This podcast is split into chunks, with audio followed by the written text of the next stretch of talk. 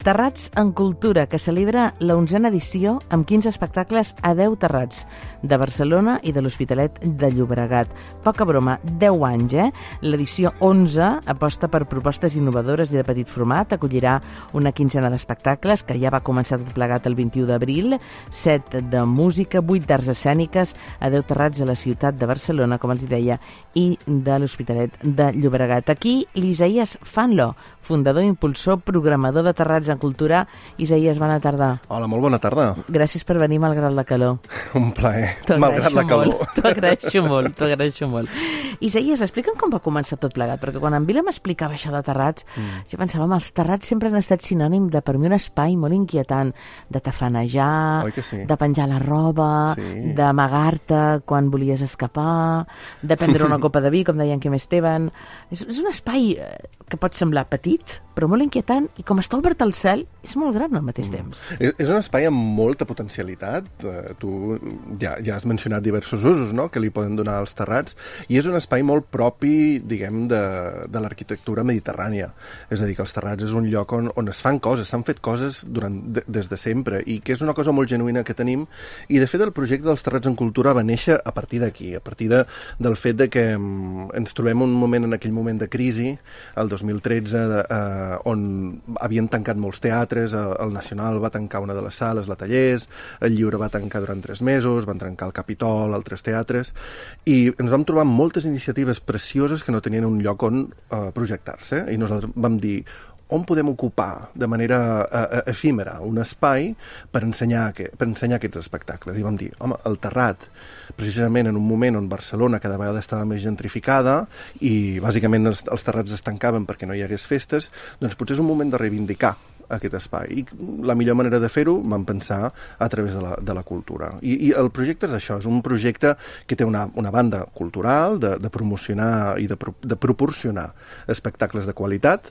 però de l'altra una part ciutadana, de reivindicar un espai eh, en perill d'extinció, diguem, mm, els terrats. Desgraciadament. Tot va començar el 21 d'abril, acabarà, encara queda molt, eh? Mm. El 7 d'octubre, sí. Muero porque no muero. Sí. És una molt proposta molt, molt interessant, una proposta que per alguns és arriscada, per mi Santa Teresa mai és arriscat. no. És una necessitat escoltar la veu de Santa Teresa i tornar a ella, perquè era una persona absolutament avançada al seu temps. Abans de continuar conversant, tenim en Marc Rossic al telèfon, director de l'espectacle Muero porque no muero, properament el, serà Aterrats en Cultura i ha participat en moltes altres edicions. Marc Rossic, bona tarda. Bona tarda, com estem? Molt bé, encantada, encantada d'escoltar-te.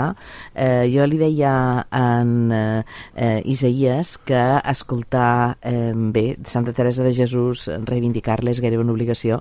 Eh, jo sóc una gran seguidora i, i una ferrissada defensora de les seves paraules i escoltar-la en un terrat eh, ha de ser una experiència religiosa, eh? no vull semblar Enric Iglesias, però ha de ser una experiència religiosa, Marc. Bé, en, en el fons no, és, és uh, Santa Teresa de Jesús passada pel sedàs del Paco de Ferra i amb, uh, vull dir que ell ha fet la, la seva a, a, aquesta obra el, el, el, amb, amb que, tan polèmica i que, que justament ara uh, doncs, ha protagonitzat aquest, aquest capítols de, de censura, diguem, ara aquest, aquesta, aquest darrer allau de, de censures d'espectacles van tenir un primer avís en justament en, en, ara fa, què, què és, ara fa any i mig en, en justament la cancel·lació de, d'aquest espectacle que s'anava a fer a, a, de, a, a Madrid de, del Paco Becerra als teatres del Canal.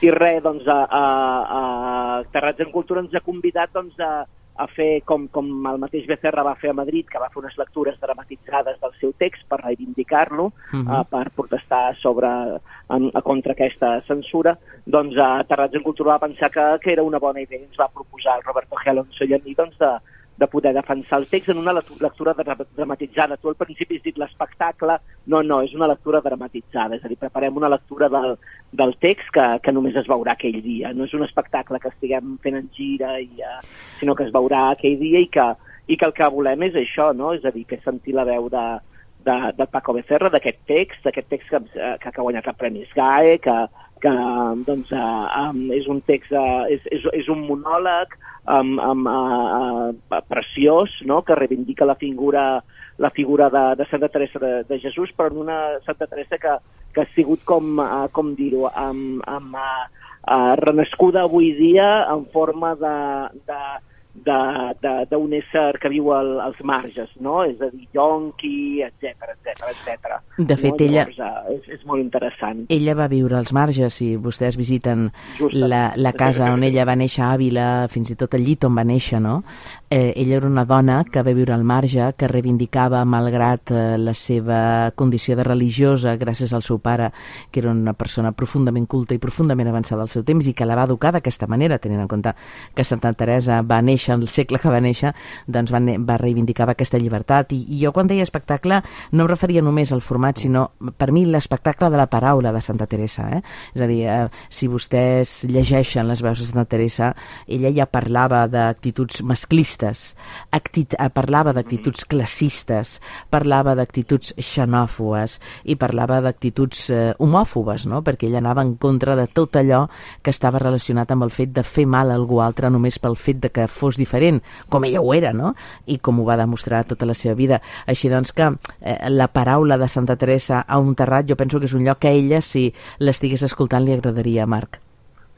Sí, nosaltres, a més a més, és a dir, també ho fem des del marge, des dels marges, des de justament l'intèrpret que, que, que de, de la peça serà el Roberto G. Alonso, que ara el tenim a la model fent l'espectacle Jo Travesti, no? I, amb, i amb el que ja havíem estat als terrats amb el nostre espectacle Mi només escrivia Tennessee Williams, que també ensenyava una, una senyora, una, una dona madura que també vivia als marges, no?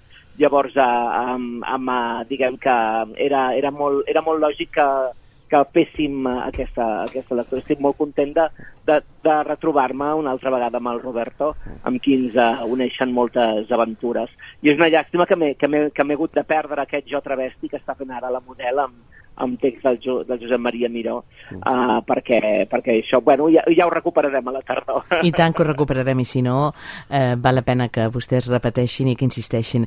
Eh, Marc Rosic, eh, t'acomiadem ja, però no sé si l'Isaías vol dir-te alguna cosa que t'està escoltant amb molta atenció. No, no, per nosaltres és un plaer tenir el, el Marc sempre, amb qui bueno, jo personalment tinc un vincle personal i, i, i també professional.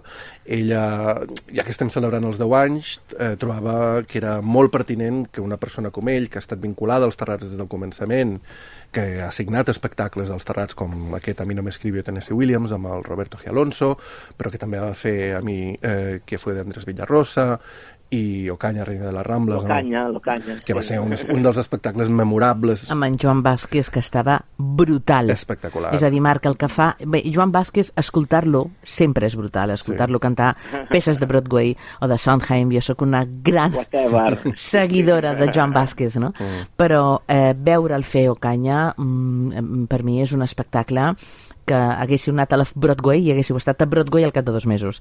És a dir, és doncs, doncs brutal. Els primers, les primer, les primer, els primers bolos els van fer els terrats, sí. en cultura, justament. Doncs de debò que era... Vam, vam, I vam tu... ensenyar, vam, la primera fase la, la vam ensenyar als terrats. Doncs l'heu de tornar a fer, Marc. Ja sé que em poso un nom demanen, però els que vam bueno, veure Ocanya en tenim ganes. Mig, eh? Sí, sí, ho sé, ho sé, però és que és un espectacle que s'hi hauria de tornar d'una manera natural, eh? És canònic. Efectivament, és, és, com, és com tornar a veure, ara parlàveu de Tennessee Williams, és tornar a veure un Tennessee Williams, és com tornar a veure la gata sobre, sobre el terrat de zinc, no? Doncs això s'hi ha de tornar de tant en tant. Hi ha mm. clàssics que un ha de tornar per no oblidar on som i cap on anem.